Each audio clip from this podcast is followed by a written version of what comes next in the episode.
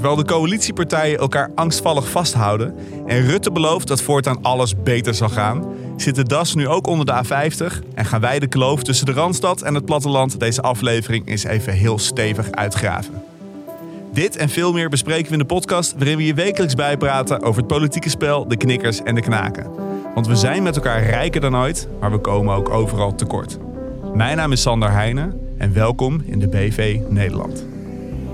Daar waar eh, mensen en dieren elkaar tegenkomen, daar eh, gaat op een gegeven moment de mensen zeggen dat hij eh, hinder ondervindt van het dier. Niemand wil hem, toch komt hij er. Nou ja, dat die wet een soort monster van Frankenstein is, die is op die manier in elkaar gezet. De wet die gemeenten uiteindelijk kan dwingen om asielzoekers op te vangen. Meer investeren in het platteland dus, zegt uh, Rutte. Dat het nodig is, werd ook nog eens bevestigd door het rapport Elke regio telt... dat gisteren werd aangeboden aan het kabinet. Duidelijk is wel dat de regeringspartijen dus voorlopig met elkaar door willen.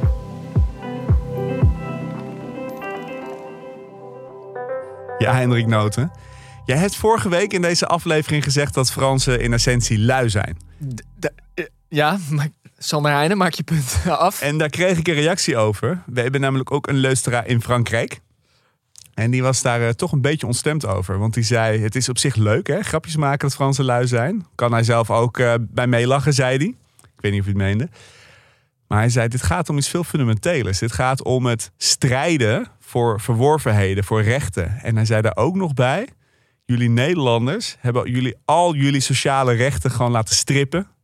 Uh, jullie gaan nu met 67 met pensioen. De sociale zekerheid is uitgekleed. Nou, toeslagenaffaire viel even. Slappelingen. Jullie hebben nergens voor gevochten. Ja. Dus dan krijg je wat je verdient. Ja, kijk, even voor de duidelijkheid. Deze reactie komt niet uit de hoek van mijn schoonfamilie. Nee, nee is leuk om maar te zeggen, ja. Grappig genoeg kreeg ik thuis inderdaad precies dezelfde reactie. Van mijn vriendin, die had ook geluisterd naar onze aflevering. Hebben we een kabel? En ik, ja, de, ik, ik heb het volgens mij niet zo expliciet gezegd. Volgens mij heb ik echt niemand uh, lui genoemd. Maar zij ik zei, heb het jou in de mond gelegd. Je hebt het precies. en nu wederom, dus ik wil dat punt toch even maken. Maar zij zei dat ook tegen mij. Ja, wij vechten tenminste uh, nog ergens voor. Ja, en zo kan je er natuurlijk ook naar kijken. Ik wil er overigens wel bij zeggen. Gevochten wordt er ook wel degelijk. Hè? Want het gaat wel echt hard tegen hard nu in die Franse straten. Ongelooflijk. Ja, en ook de, je ziet de Franse oproerpolitie. Komt nu ook echt uh, in, het, in het nieuws. En niet op een hele goede manier. Want er zijn een hoop mensen gearresteerd. En komen echt verhalen naar buiten van fysieke intimidatie, racisme. Het is. Ja, wat je volgens mij nu ziet, ook, ook met de manier waarop uh, uh, Macron zeg maar, die pensioenwet langs, hè, zonder het parlement buitenspel heeft gezet en gewoon per presidentieel decreet dat heeft uh, doorgevoerd. Dat zei die, die, die luisteraar, die reageerde namelijk ook van ja, dat hij nu eigenlijk aan het ontdekken is van hoe, hoe weinig democratie Frankrijk eigenlijk heeft. En ik zat te denken, dat krijg je natuurlijk. Hè, de Vijfde Republiek. Nou, luisteraars moeten het maar even opzoeken. Volgens mij ergens in de jaren zestig gesticht door uh, Charles de Gaulle. En dit is dus wat je krijgt als je een land laat uh, inrichten door een generaal. Ja. Dan krijg je een hele machtige president. Ja.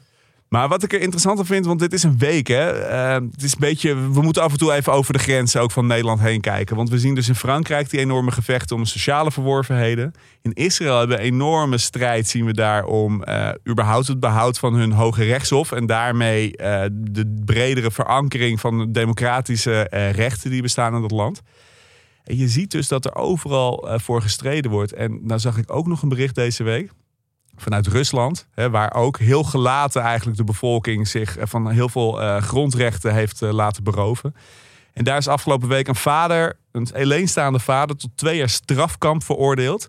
Omdat zijn dochter op school, zijn 13-jarige dochter, een tekeningetje had gemaakt tegen de oorlog in Oekraïne. Ja, totaal gestoord. En dat is waarom je dus nooit nooit ook het begin van het morrelen aan de rechtsstaat kan accepteren als natie. Gewoon simpelweg, als je eenmaal die glijdende schaal ingaat, dan is dit waar je uh, kan eindigen. En dan is er eigenlijk vrij weinig wat je daar nog tegen kan doen. En als het ook eenmaal glijdt, is het ook moeilijk om dat te stoppen. Hè? Dan dat bedoel is het, ik, ja. Het volgende stapje is altijd dichterbij. Dus zou je willen zeggen dat we misschien iets te, iets te grappend waren over de, de, de Franse volksoproer? Nou, ik moet zeggen dat ik, ik, ik, ik, ik, ik spreek amper Frans en ik, kom af en toe op vakantie. Maar dat ik toch een soort van uh, uh, trots voel op die Fransen. Die in ieder geval bereid zijn om ergens voor te vechten. En dan ken je nog de manier waarop. Ik weet het niet. Hè, uh, of daar nou helemaal achter staan. Maar gewoon, gewoon dat vechten voor, voor je rechten. Ik vind het eigenlijk wel iets moois hebben. Oké. Okay.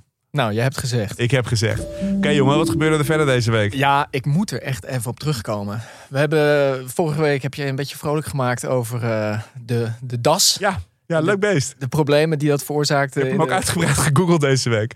in de spoorlijnen in Brabant. En eh ja, Dassengate, daar zou ik inmiddels wel van durven te spreken.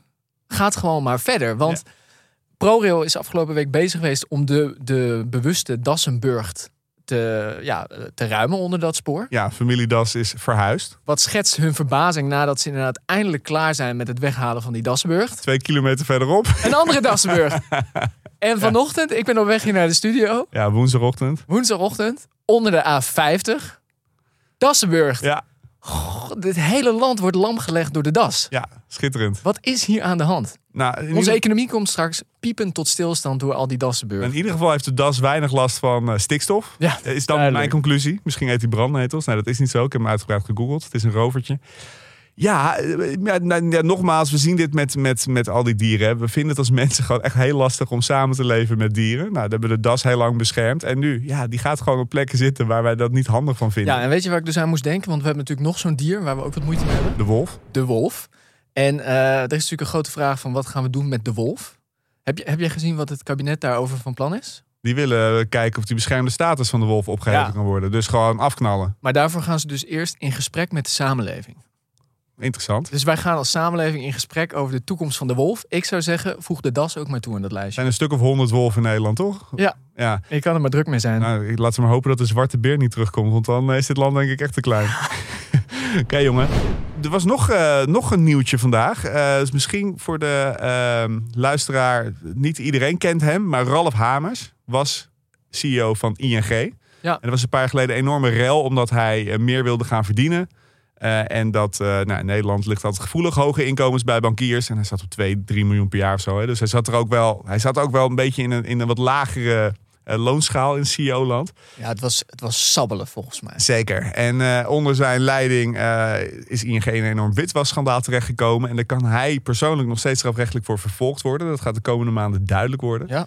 Maar 2,5 jaar geleden, eh, omdat hij die loonsverhoging hier niet kreeg, is hij daadwerkelijk overgestapt naar Zwitserland, naar UBS. Naar de bank die nu Credit Suisse, waar we vorige week over gesproken hebben, overgen- eh, overgenomen heeft. En eh, hij zit er pas 2,5 jaar. Voor 13 miljoen per jaar volgens mij inkomen. Maar hij is vanmorgen ontslagen Ja, omdat de Zwitsers hem toch niet vertrouwen met, met die grote fusiebank daar. nee, wat daar natuurlijk gebeurd is, is eh, UBS heeft Credit Suisse overgenomen. Feitelijk heeft Zwitserland nu nog maar één gigantische bank. Nou, vorige week hebben we het gehad over ook de risico's die dat meeneemt. En ik vermoed dat de Zwitserse regering heeft gezegd, dat vinden we allemaal leuk en aardig. Maar dan willen we ook gewoon een echte Zwitser aan het hoofd van die bank hebben staan. En Lijkt die Nederlander, die moeten we niet. Het lijkt me op zich ook wel, wel verstandig. Het lijkt me ei- uiteindelijk voor hem ook beter. Hè? Want stel dat deze fusie misgaat, dat deze bank alsnog in elkaar laast, want Credit Suisse er te slecht voor staat. Ja, dan is Zwitserland zelf ook gewoon praktisch failliet. Want die bank is gewoon eigenlijk echt te groot geworden, ook voor zo'n klein land om te dragen. Ja, ik denk wel dat we geen medelijden met hem hoeven te hebben. Want over het algemeen, als je in dit soort posities eh, gevraagd wordt, dan wel gedwongen te vertrekken, dan word je niet met lege handen buiten de deur gezet. Oké jongen, Eh, laten we eh, naar een van de twee hoofdonderwerpen van deze week gaan. En dat is de kloof tussen de Randstad en het platteland. Ja, bestaat die eigenlijk? En Nou- is dat erg als die bestaat? Dit ook. Vind ik ook, die vraag moeten Ja, we ook beantwoorden. Is het ergens? Is, goed. Dus la- laten we proberen die vraag te beantwoorden of hij er is. Maar even bij het begin beginnen. Ja, even bij het begin beginnen. Er is deze week een eh, eh, rapport verschenen van de Raad voor de Leefomgeving. En die zijn is even heel gericht gaan kijken naar eh, vijf regio's in Nederland. Dat is deels in Limburg, Limburg-Parkstad. Ze hebben gekeken naar Twente, naar de kop van Noord-Holland, naar Zeeuws-Vlaanderen en naar de Veenkoloniën. De voormalige Veenkoloniën in eh, eh, Drenthe. En die zijn gewoon eens heel uitgebreid in gesprek gegaan met bewoners, met lokale bestuurders, met mensen die er wonen en werken. En een terugkerend punt wat ze in die gesprekken steeds vonden, dat is dat, eh, ja, dat, dat mensen eigenlijk helemaal niet herkennen wat en of de Rijksoverheid iets voor hen doet.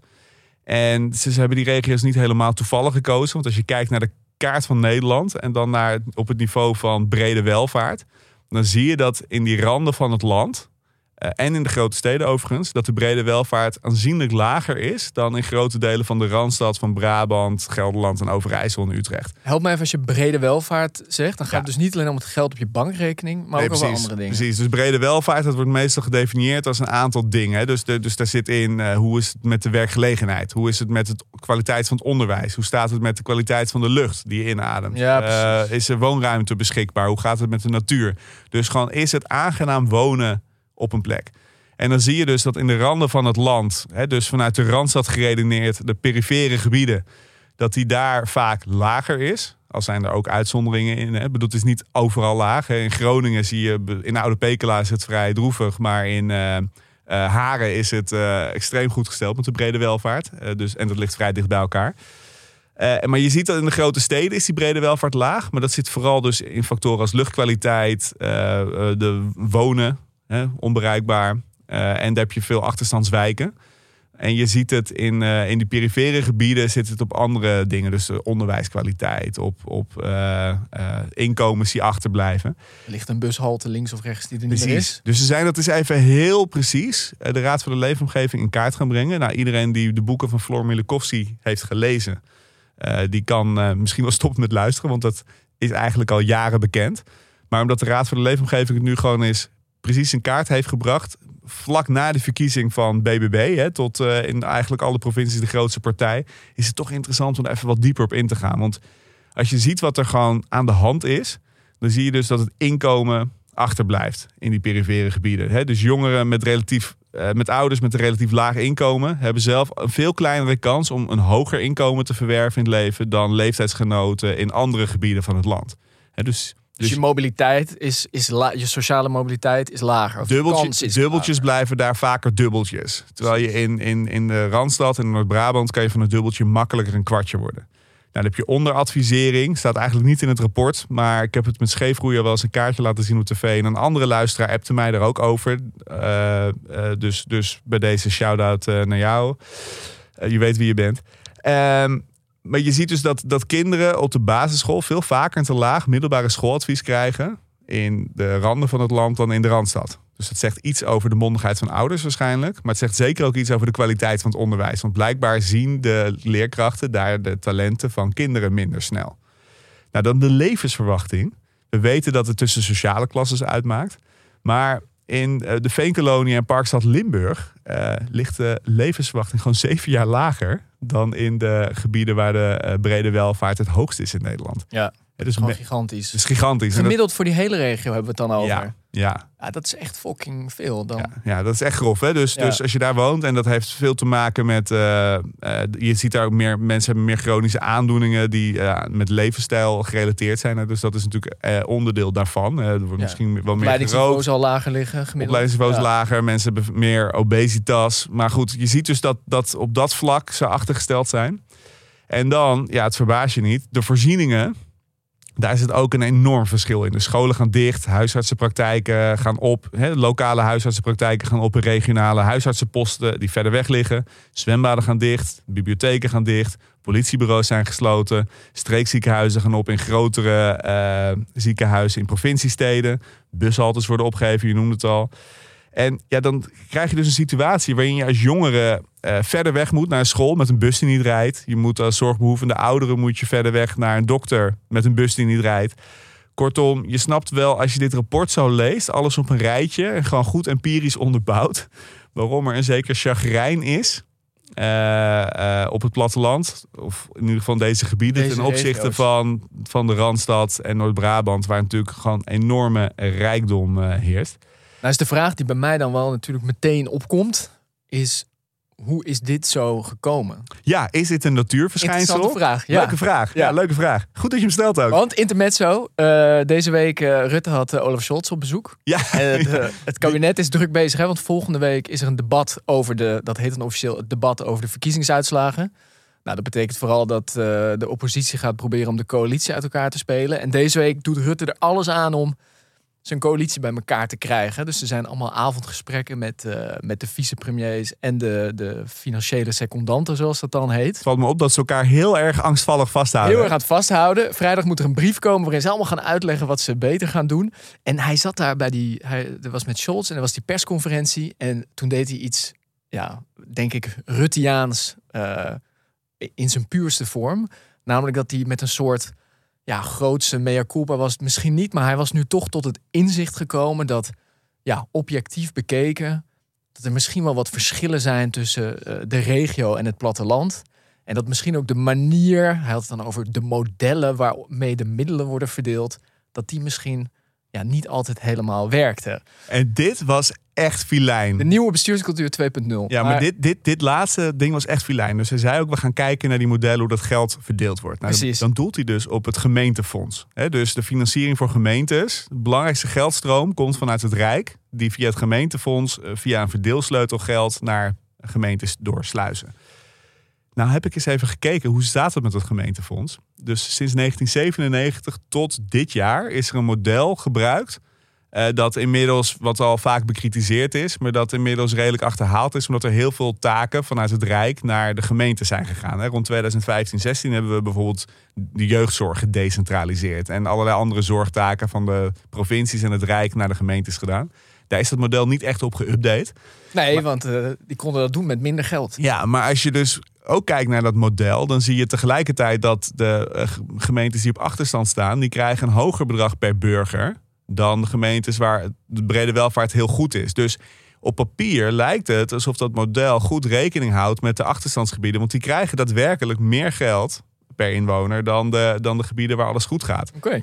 Alleen als je dan wat dieper kijkt, dan zie je dat die modellen, eh, dat is puur, dat geld is puur om eh, eh, voorzieningen op peil te houden. Dus, dus om de zorgtaken daadwerkelijk uit te blijven voeren. Dus om de thuiszorg te kunnen betalen en om dat soort dingen. Maar dat geldt dus niet om te investeren in, in het versterken van de structuur. Dus je kan niet, als je zwembad sluit, je kan niet een nieuw zwembad openen ermee. Want daarvoor is dat, daar is dat geld niet voor bedoeld, daar is dat Ah, niet ja. toereikend voor. Maar nou, en dat is het filijnen aan Rutte.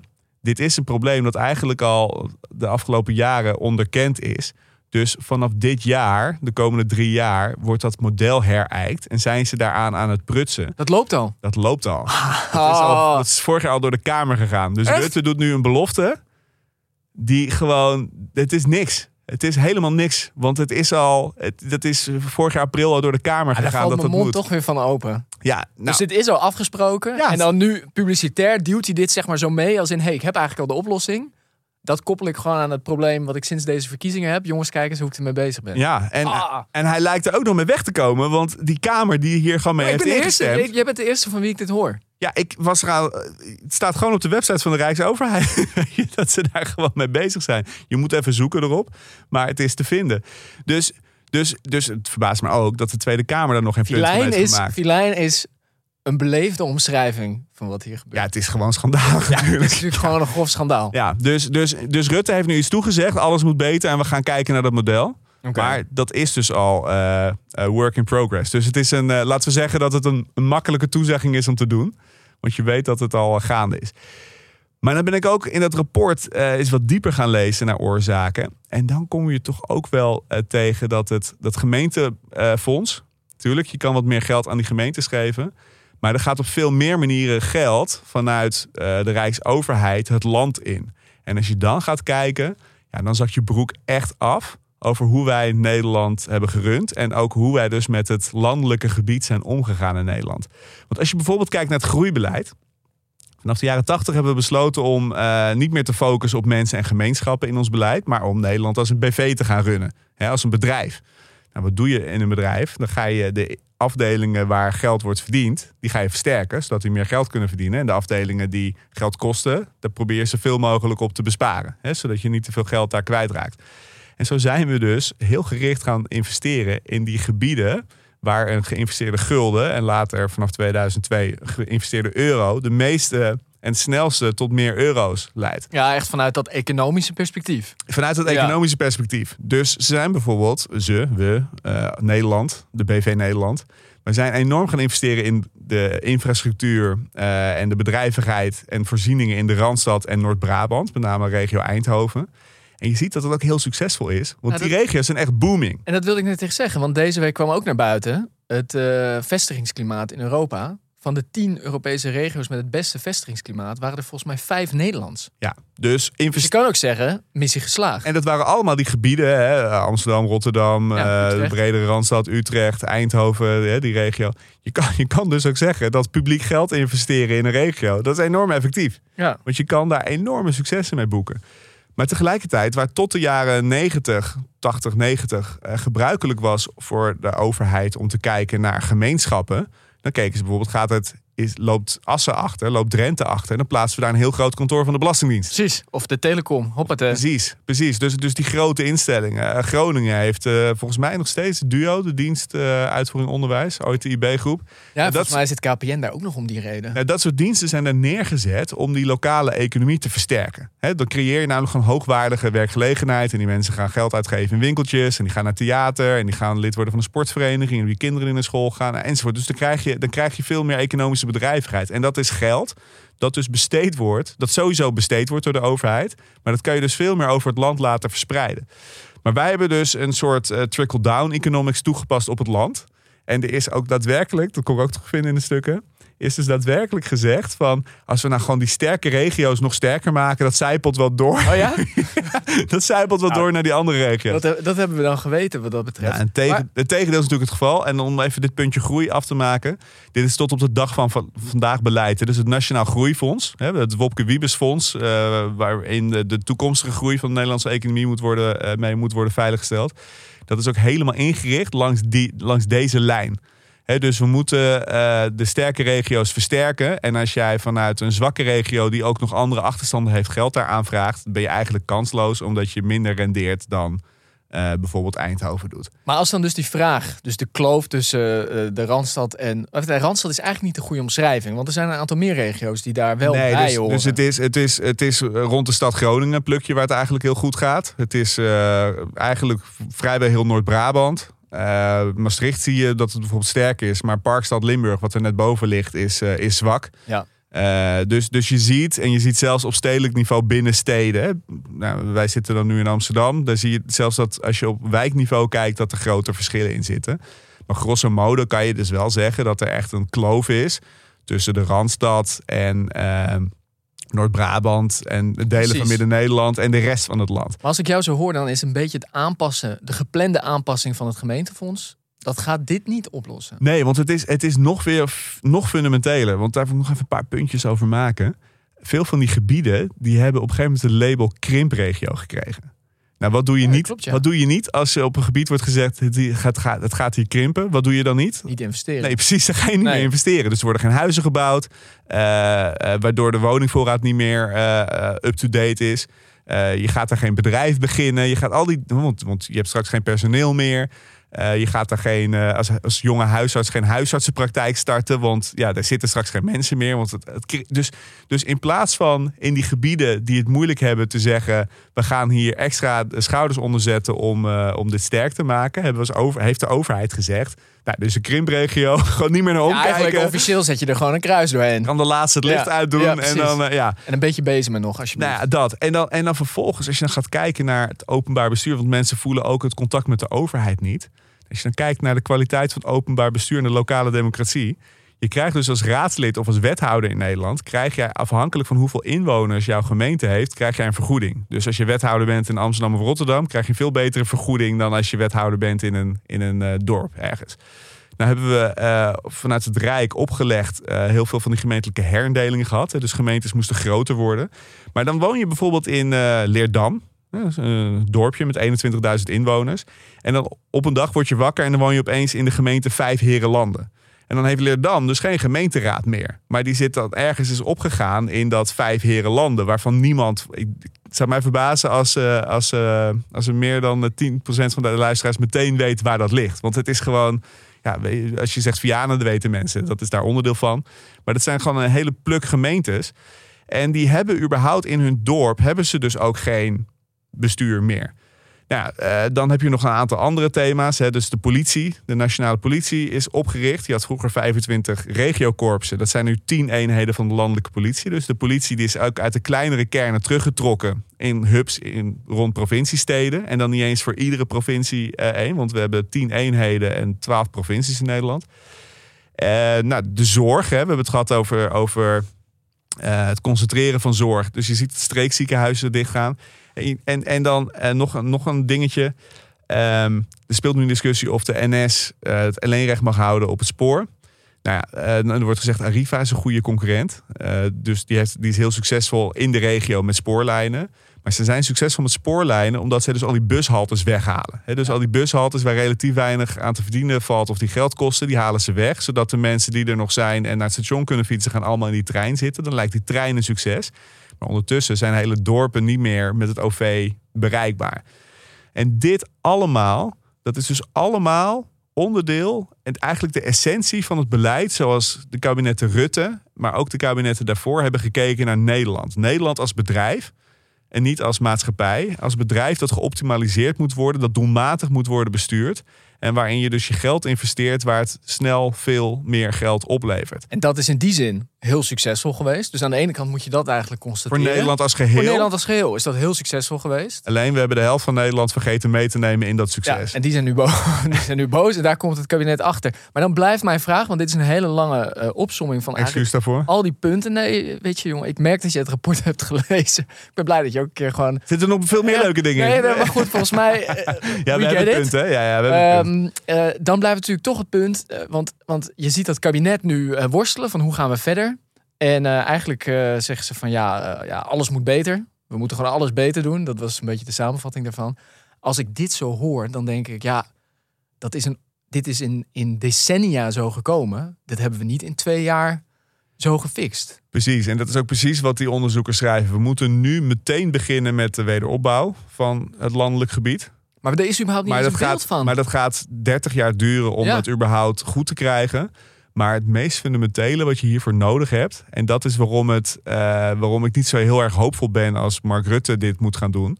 Je hebt hier gewoon een visie Precies. nodig voor de toekomst van het land. Hoe wil je dat Nederland er in 2050 uitziet? Hoe wil je dat, dat het platteland eruit ziet? Je kan, ook zeggen, je kan ook in je visie opnemen van we geven dat gewoon helemaal op. Maar dan moet je dat tegen die Ja, mensen maar daar hebben zeggen. ze nu spijt van. Dan, dus dat kunnen, ze, dan kunnen, ze, kunnen die mensen kiezen van willen we hier blijven of niet. Of je zegt, we willen dat, dat, gewoon, dat we een vitaal landelijk gebied hebben. En dat betekent dus dat je niet alleen aan het gemeentefonds moet prutsen. Maar dan moet je dus gewoon echt ook in hoe je je politie organiseert. Hoe je je rechtbanken, je gevangenissen, militaire kazernes. eh, Gewoon al die dingen waar je als overheid geld aan uitgeeft. Dat zijn allemaal dingen die zijn gecentraliseerd. Dat moet je gewoon dan zorgen dat je dat heel goed over het land verspreidt. Zodat het geld dat je toch al uitgeeft als landelijke overheid. Dat het ook daadwerkelijk ten goede komt van al je burgers. En Dus de kloof is echt. de Hij is ook is echt. bewust uitgediept. En de vraag of we hem willen dempen. Nou, je dempt de gracht, maar eh, je snapt het. Dat is eigenlijk. Dat, dat, Nou, dat moet eerst maar besloten worden. Dat moet eerst besloten worden, maar dat vergt een hele grote visie op de toekomst van het land. En zolang, en dat is belangrijk voor de luisteraar, daarmee sluiten we hem af. Zolang we Rutte niet horen over een grote visie op hoe hij nou wil dat Nederland er over 30 jaar bij ligt, gaat hij dit niet oplossen. Je hebt gezegd. Ik heb gezegd. Oké jongen, jij hebt ook een rapportje gelezen. Of eh rapportje gelezen. Hallo. ik heb me het hele weekend zitten verdiepen. Ja, nee, ik wil het. in de eh, spreidingswet. ja, ik wil het graag hebben over de spreidingswet. En eigenlijk over ons asielsysteem in, in bredere zin. Eh, we hebben het er al eerder over gehad in de, in de podcast. Maar ik blijf er een beetje op terugkomen, omdat het dit voorjaar zo'n groot onderwerp gaat worden. Ehm, afgelopen week is de spreidingswet naar de Tweede Kamer gestuurd. En dat is de wet die de eh, asielopvang anders moet gaan regelen. Ja, die moet gewoon zorgen dat eh, gemeentes en provincies verplicht eh, een x-aantal asielzoekers moeten opvangen. hè? Ja, daar komt het in feite op neer. En wat ik eigenlijk even naar wilde kijken met jou. En ik heb daarin ook een paar vragen voor je. Dat zijn in feite drie dingen. Want rond die spreidingswet, daar zijn nogal wat problemen. In feite eh, hebben die problemen ook te maken met dat ons asielsysteem nu al 10, 20 jaar langzaam aan het vastlopen is. En ik wil ook wel een spoiler alert doen. Ook dat is geen natuurwet. Goh, En drie is volgens mij ook de vraag van wat zegt dit nou over onze politiek, wat er in die asielopvang eh, aan het gebeuren is. Want deze week kwam namelijk het eh, nieuws naar buiten dat de asielopvang dit jaar 3 miljard euro duurder uitvalt dan gepland. Oh. Drie, een tekort van 3 miljard euro. Ja, op, wat voor een totaalbedrag? Ja, volgens mij wordt er vaak zo'n 400 miljoen of zo voor eh, begroot. Ja. Misschien dat het nu iets hoger is, maar het is echt een, een Een bizarre kostenoverschrijding. bizarre kostenoverschrijding. En eh, de hoofdoorzaak daarvan is dat we het afgelopen jaar, het COA, dat is het, eh, de organisatie die de asielopvang regelt, telkens op zoek moest naar noodopvang. Ja, dus je moet er steeds gewoon stantepeden gaan bieden op de markt van wat staat, wat staat er vrij. En als je dan eh, goede huur wilt betalen, is zo'n eigenaar van zijn pand vaak wel bereid Ja. om het aan het COA te vuren. En Dat kunnen gewoon hotels zijn, hè? Dus dan moet het COA moet gewoon een hotel gaan afhuren. Ja. Komt in feite op neer. gaat. 80 euro per kamer per nacht of zo. Ja. Nou, serieus, dat gaat echt tegen hoge prijzen. Dus dat, die noodopvang, eh, dat, dat improviseren in dat systeem, dat, ehm, dat werkt niet. En dus wil inderdaad de staatssecretaris wil het anders gaan regelen. En hij stuurt nu de spreidingswet naar de Kamer. En eigenlijk, eigenlijk moet die spreidingswet ervoor zorgen dat gemeenten niet meer zomaar kunnen weigeren als gevraagd wordt om opvangplekken. Maar dat ze gedwongen worden om mee te werken. Dat is ook leuk, hè? want Dat stond al in dat andere rapport. Even een zijlijntje. Maar er Ja? stond ook in van... de Rijksoverheid weet ons alleen maar te vinden... als er windmolens moeten worden geplaatst... of asielzoekers moeten worden gehuisvest. Ja, nou ja, en, verder, en verder zien of horen we nooit wat van ze. Nou, dat, dat verbaast me helemaal, eh, eigenlijk helemaal niks. Maar er is met die spreidingswet dus een probleem. De eerste is dat hij te laat naar de Kamer is gegaan. En dus dat hij dus waarschijnlijk niet op tijd in werking gaat. Terwijl het grote probleem dit voorjaar komt.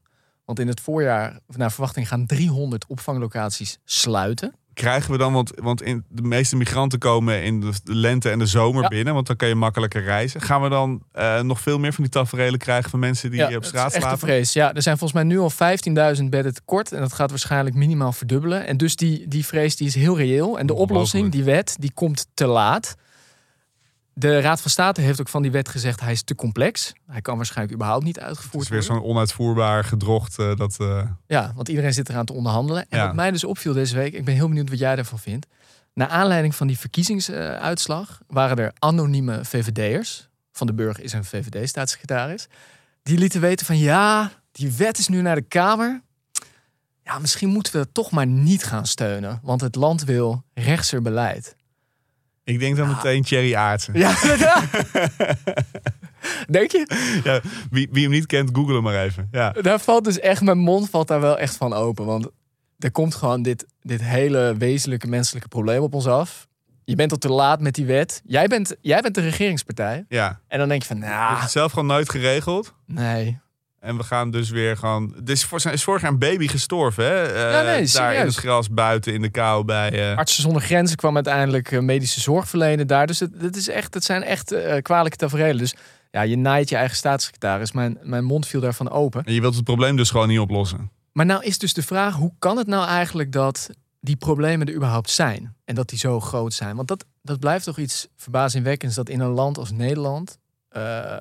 jij zegt letterlijk in de leader, we zijn rijker dan ooit, maar komen overal tekort. Nou, in de asielopvang is dat feitelijk het geval. En Ja, ik denk dus echt dat dit. Kijk, volgens mij, als je gewoon vaste plekken aanwijst. en daar mensen daar ook werkgelegenheid van hebben. en gewoon daarmee weten om te gaan. Hè, opvanglocaties. dat je dat heel goed kan inbedden in de samenleving. Dat kan je volgens mij ook goed gespreid over het land doen.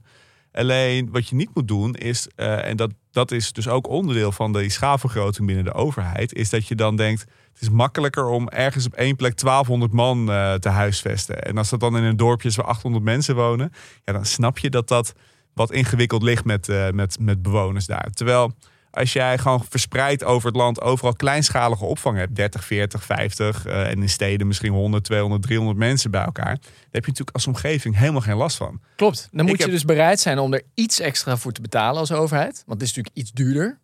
Maar wat je er maatschappelijk voor terugkrijgt, dat zou het eigenlijk meer dan waard moeten zijn. Precies. En als dat gewoon permanent is en dat dus ook een economische betekenis heeft. eh, Maar dit, maar dit is weer zo'n voorbeeld van als je geen visie hebt op de toekomst van je land, maar als je alleen maar een beetje van jaar op jaar proble- probleempjes probeert te managen, Ja. dan heb je dus, dan kom je dus in dit soort, in dit soort problemen terecht. Omdat je Want- gewoon niet hebt nagedacht over wat heeft dit land nodig. Precies, want er is iets in hoe wij die asielopvang eh, regelen. Eigenlijk is dat het grootste bewijs van het korte termijn denken ooit.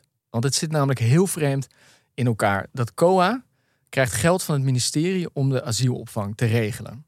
Maar hoe werkt dat? Aan het begin van het jaar wordt er dan een prognose gemaakt van hoeveel mensen denken we dat er naar Nederland komen dit jaar. En eigenlijk hebben we als ministerie ook nog beperkt geld. Dus het gaat om hoeveel mensen denken jullie dat er komen. Maar we kunnen ook eigenlijk niet, we hebben geen oneindige middelen. En op basis daarvan krijgt het COA dan een voorschot. Alleen, eh, het punt is natuurlijk dat heel veel crisissen zijn niet altijd te voorspellen. Je weet niet wanneer er een Jo, oorlog uitbreekt. jo, je weet niet wanneer Kabul valt. Wat nu het punt is dat er heel Ah, veel dat is misschien een slecht voorbeeld, want Ja, oké. daar hadden we wel een beetje... eh, Nou ja, goed. Maar je snapt, je snapt mijn Ja, punt. Dus, ja, ja. dus alleen al met die prognoses werken is heel ingewikkeld. En als er dan dus weinig asielzoekers zijn, dan wordt er ook gevraagd van het COA om af te schalen. Dus dan moeten medewerkers worden ontslagen, moeten locaties worden gesloten. Heel erg korte termijn. Wat je daardoor krijgt, is dat vaak aan het eind van het jaar blijkt dat het COA helemaal niet genoeg geld had. Dus, er dan komt een voorschot. worden bijgeplust. Ja, komt er voor. Hoe vaak, de Algemene Rekenkamer heeft onderzoek gedaan, van de afgelopen 23 jaar, hoe vaak was het voorschot te laag voor wat eigenlijk de instroom was? Nou, ik ga een gok doen. 21 keer. Nou, dat is een goede gok. Ja, echt? Het draaiboek. Heb je het gelezen? Ah, Nee, nee, nee, nee. nee. Ja, 21 van de 23 jaar was het te weinig geld. Ongelooflijk. Te en dus op het moment dat die mensen komen. En wanneer was genoeg tijdens de pandemie, toen er niemand kwam? Of- Ja, nee. ja dat zie je wel. Dit is echt waar. Ja, schitterend. En daardoor zitten ze dus elke keer als de mensen komen, zijn er niet genoeg plekken, niet genoeg mensen. Moeten ze op zoek naar die noodopvang. Die noodopvang die veel duurder is, die ook voor heel veel stress bij mensen zorgt. En zo blijven we eigenlijk klem zitten in een heel erg korte termijn gericht. Weet je wat ik hier extra schraal aan vind? We hebben dus overal personeelstekort in Nederland. En we hebben arbeidsmigratie nodig om die gaten te vullen. En die Oekraïners hebben we gezegd: oké, eh, jullie mogen gewoon meteen werken. Die hebben gewoon, een asielzoeker die binnenkomt mag niet werken in Nederland. Dus je zou heel, en die asielzoeker, of die asielzoekers, die ook Oekraïners zijn ook allemaal massaal aan het werk gegaan. En dat gaat eigenlijk voor de integratie is het goed, voor die mensen is het goed. Het is voor iedereen goed. Voor de werkgevers in Nederland is het goed. Je zou toch gewoon eens dat asielbeleid helemaal moeten gaan herijken. En zeggen, zolang je in procedure zit, mag je gewoon gaan werken. Want er is meer dan genoeg werk wat je kan doen, ook als je geen Nederlands Ja, spreekt. Tuurlijk, maar kijk nu naar die VVD. Die krabbelt nu al terug op die spreidingswet. Ja. Laat staan dat je over die En op, en op hetzelfde moment zitten de ondernemers die zijn aangesloten bij de VVD te schreeuwen om arbeidsmigratie. dus pak gewoon die dingen samen en, eh, en ga er eens wat aan doen. Maar volgens mij het kernwoord hier is ook ehm, buffers. Buffers. Want Buffers en visie. buffers en visie. Ja. Want buffers zijn duur. Of althans, als ze leeg staan, staan ze duur. Ehm, maar als de shit uitbreekt, heb je ze heel erg, eh, heel erg hard nodig. Dit zagen we eerder bij de IC-capaciteit in corona. Ja, het moet ons wel wat waard zijn. Nou, ik, eh, laten wij proberen dan vanaf hier, eh, vanaf deze kansel de revolutie te prediken. Ja, en laten we gaan proberen een visie voor Nederland te ontwikkelen de- in deze podcast. Hey, kregen wij eh, reacties binnen via de socials, de e-mail of in het echt? Nou, volgens mij kreeg jij vooral reacties binnen. Want jij had een, in, in mijn ogen, wat oproep tot nationale eenheid vorige keer. Maar het ging over... over Een vriend van mij zei al, hè, volgens mij, het is toch allemaal Vlodder die de verkiezing heeft gewonnen. Wat zit je daar nou voor grote, Ja. grote visies op te plakken? maar Ja. goed, ik gun je die visies af en toe. Sorry, sorry. Je had dat ook op je LinkedIn eh, geplaatst. Het ging er onder andere over, joh, er zijn heel veel boeren die willen stoppen. Help ze nou. Daar kreeg je wel reacties op. Zeker, ja. Ik kreeg zelfs sterker nog, ik kreeg, eh, dus ik had op, op, op LinkedIn nog even eh, becijferd. Er zijn 16.055 boeren van 55 plus zonder opvolger. Nou, ga eens met hen praten. En toen kreeg ik dus een reactie van een varkenshouder. Ik zal zijn naam niet noemen. En die zei: Ik zit al jaren te wachten op een goede uitkoopregeling. Want ik wil stoppen en ik heb geen opvolging. Maar het komt maar niet. Weet je, en nou goed. Nee, dus ik, ik neem mijn, ik blijf jouw oproep, vond ik wat aanstellerig. Maar inhoudelijk had je toch, eh, toch een punt. Blij dat te horen, jongen. Ja. Hey, hoor je me aankomen? Zeker, kom maar. Vrolijke noot. Ja, want eh, ik weet niet hoe het met jou zit, maar ik heb best wel wat collega's die op dit moment vasten. Oh? Het is natuurlijk Ramadan. Ja. Die is, eh, die is begonnen. Ja, ik heb in mijn eenmanszaak niet superveel islamitische collega's. ook Maar Ook niet een paar ZZP'ers die Nee. eh, slaafs eh, aan het werk zijn voor je, nee. En ehm, nou ja, de KNVB kondigde aan, dat viel mij op nu, dat in het betaald voetbal na zonsondergang eet- en drinkpauzes worden ingelast tijdens de wedstrijden. Om, om tegemoet te komen aan islamitische voetballers die ook vasten nu. En dat past eigenlijk in een trend dat we zien dat op het werk, zeker in Nederland, er steeds meer aandacht is voor de Ramadan. Eh, we zien bijvoorbeeld eh, in eh, cao's dat mensen steeds vaker Pasen mogen ruilen tegen het suikerfeest. Nou ben ik er sowieso voor dat we die christelijke feestdagen... ik zou ze liefst allemaal gewoon in één week. Nou, trouwens, ik ben de ZZP'er, dus maakt niet uit. Maar Nee, maar dus en ik dacht van nou, dat is volgens mij even goed om bij stil te staan. Want dat vind ik, een, vind ik stapjes in de goede richting. ja, heel mooi. Ja, Zal, ik zal niet de vraag stellen hoeveel wedstrijden de KNVB überhaupt organiseert s'avonds. Maar Iedereen Nee. mag dat zelf opzoeken, maar ik vind het een mooi gebaar. Ja, dat is de journalist in jou die Ja, sorry, de hypocrisie altijd gaat zoeken. Ja, sorry. Nou ja, ik vond het ook een mooi gebaar. En het, past Nee, het is heel mij- mooi, heel mooi. Het is, eh, dus er is ook vooruitgang in dit land. Er is ook vooruitgang Kijk. en het- we zitten niet vol met racisten en fascisten. Nou, dat eh, dat lijkt me eigenlijk een hele fijne, optimistische eh, slottoon van deze aflevering. Maar niet voordat je hebt gezegd dat. Ja, we zijn er weer aan het eind. Dank voor het luisteren aan iedereen. Volgende week eh, zijn we er weer. Zoals altijd, heb je vragen, wil je reageren? Dat kan ook door te mailen naar het mooiste adres van Nederland. bvnederland.creator-podimo.com. Het staat ook in de show notes. Eh, zoek ons op via Instagram, BV Nederland. Of dus op LinkedIn, waar Sander eh, zijn hartekreten vrijelijk deelt. Hendrik Noten, Sander Heijnen. Vergeet deze aflevering ook niet te delen met anderen, want we zijn altijd op zoek naar nieuwe luisteraars. En daarmee gezegd, tot volgende week. Zie je volgende week, jongen. Hey, hier nog een kleine podcasttip voor je. Bij Dag en Nacht en Podimo hebben ze nu de allereerste politieke late night show, genaamd Waanzinnig Land. In deze podcast neemt Johan Frets je mee vanuit zijn Haarlemse suburban, en volgens mij is dat zijn zolderkamer, de politieke week met je door.